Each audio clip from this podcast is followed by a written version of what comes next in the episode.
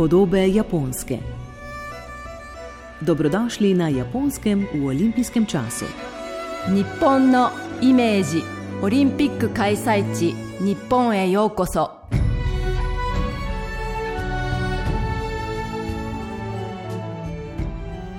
Zgodovina japonskega filma je dolga več kot stoletje. Japonska filmska industrija je tako ena najstarejših in največjih na svetu. Japonska je bila prva v bistvu vzhodnoazijska država, ki je nekako prevzela ta izum. Tako da je bila v bistvu zelo pomembna, ker bolj ali manj vsi ostali so. Menskratka, zgolj predvajali evropske ali pa ameriške filme, in Japonci so pokazali, da lahko v bistvu tudi Azijci sami delajo filme in to dosti dobre. Pojasni profesor dr. Petr Stankovič z oddelka za kulturologijo Fakultete za družbene vede Univerze v Ljubljani. Pravi, da so začetke japonskega filma v 20. in 30. letih zaznamovali manjši filmski studiji, ki so se oblikovali okrog enega filmskega mojstra. Se pravi, tako ima to obrtniško, srednjeveško. Ne. Moj star je bil ponovadi režiser in on je snimal filme in nekako se je vse vrtelo okoli njega. Tako da v bistvu to je dosti podoben to, kar je kasneje v Evropi prišel kot avtorski film. Ne. In potem so v teh 50-60 letih začeli gledati stare japonske filme in so rekli, no, wow, ne, skratka, imamo te avtorje japonske, že starejše. Druga svetovna vojna zareže tudi v filmsko ustvarjanje. Prva leta po drugi svetovni vojni je bil japonski film močno cenzuriran, američani niso pustili nobenih zgodovinskih filmov ali pa slavljenja japonske in tako naprej. Ne, ampak potem se je počasi vsem osvojil in 50 leta je eno tako zlato obdobje japonske kinematografije.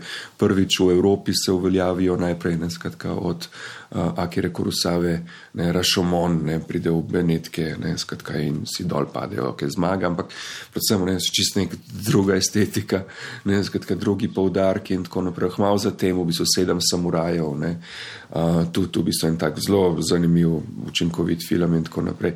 In tudi na japonskem samem zelo cenijo.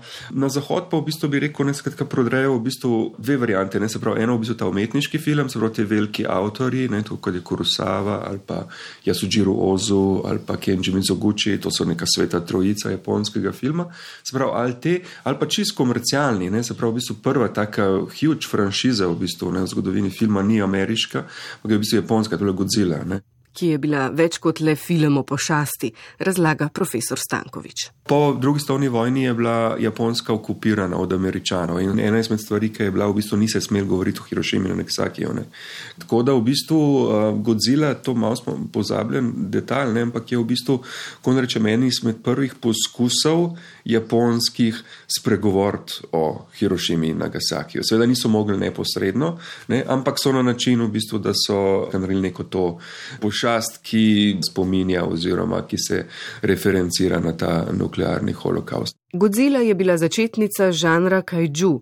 To so filmi o pošastih, ki so postali izjemno priljubljeni in so močno vplivali tudi na hollywoodsko produkcijo spektaklov in posebnih učinkov. Do takrat je bil največji King Kong ne, od RKO, ja, še iz 30 let, ne, kjer so sekvence najbolj dramatične snemali na način stop motion. Medtem ko v bistvu ne tle so Japonci človeka oblekali v to pošast in so v bistvu mesto naredili v majhno maketo. ne, tako da v bistvu se je potem on v resnici premikal, pa so pa še to vse predvajali v slow motionu, tako da je nekako vse tako, te gibi so bili bolj taki monumentalni. Ne? Tako da je vplival čisto v tem nekem tehničnem smislu, ne? se pravi, kako zdaj delati pošast, kako posnet, kako uporabljati te special effects. In v bistvu, ja, ne, se pravi, v bistvu kot nek tak uh, motiv, ne, ki v bistvu postaja aktualen tudi na Zahodu. V 50-ih letih je ta v bistvu strah totalen pred hladno vojno, mislim, pred tem, da bo eskalirala v nuklearni spopad. Ne, tako da v bistvu te filmi ki izhajajo iz japonske te izkušnje apokalipsene oziroma nuklearnega bombardiranja, ne, so bili aktualni v Ameriki, ne, ki so bili takrat tak, zastano bal, ne, skratka, Sovjetska zveza takrat izumi atomsko bombo in se zelo bojijo, da bo to hma upadalo.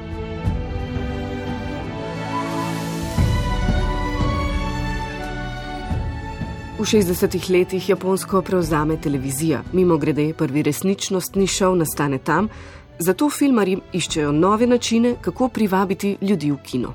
Po eni strani seveda se pojavi takrat japonski novi val, kot en tak malo bolj umetniški film, najbolj znani režiser Oshima, ne, s takimi provokativnimi, uporniškimi filmi. Na drugi strani v bistvu pa se pojavi taka ne, zelo komercialna kinematografija.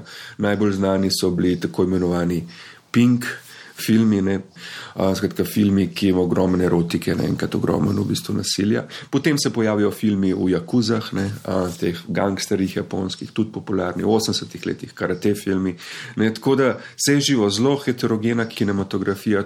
V 80-ih letih sicer japonski film pride mičkan v težave, Se v tem v 90-ih letih, bi rekel, vrne v principu z dvema stvarmi. Se pravi, en je ta J-horror, se pravi, japonske grozljivke, ki so bile zelo uspešne in potem so hollywoodski filmi snemali remake teh filmov zelo tudi uspešno. In druga stvar so lepa anime, ne, se pravi, te risani filmi.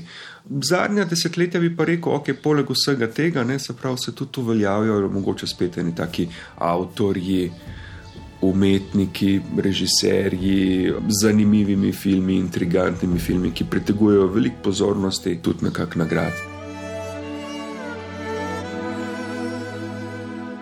Kaiju, Pink, J-horror, pošasti, seks in grozljivke. To je tisto, kar odzvanja tudi na Zahodu.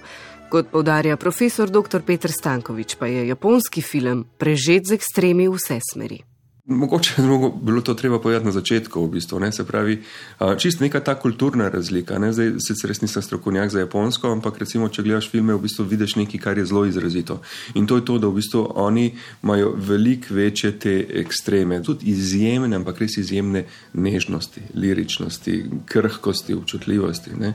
Skratka, oboje hkrati. Ne? In še filmsko priporočilo. Cesarstvo čutil. Ki ga je režiral Nagisa Ošima. Bistvu mislim, da je še zmeraj en najbolj fascinantnih filmov v zgodovini, ne kadarkoli narejenih. Ne, pravi, ne bi zdaj šel vsebino, ker bom potem pokvaril, če bo kdo gledal, ne, ki je zelo, zelo, totalno skratka, nekonvencionalna in ne, skratka, mešanca ljubezni, seksa in nasilja na nek način, ki smo na zahodu popolnoma ne navajeni. No, ampak recimo to je film, ki ni bil vse do danes japonsko, na japonski še uradno predvajan. Nekateri ekstremi so za deželo vzhajajočega sonca očitno prehudi.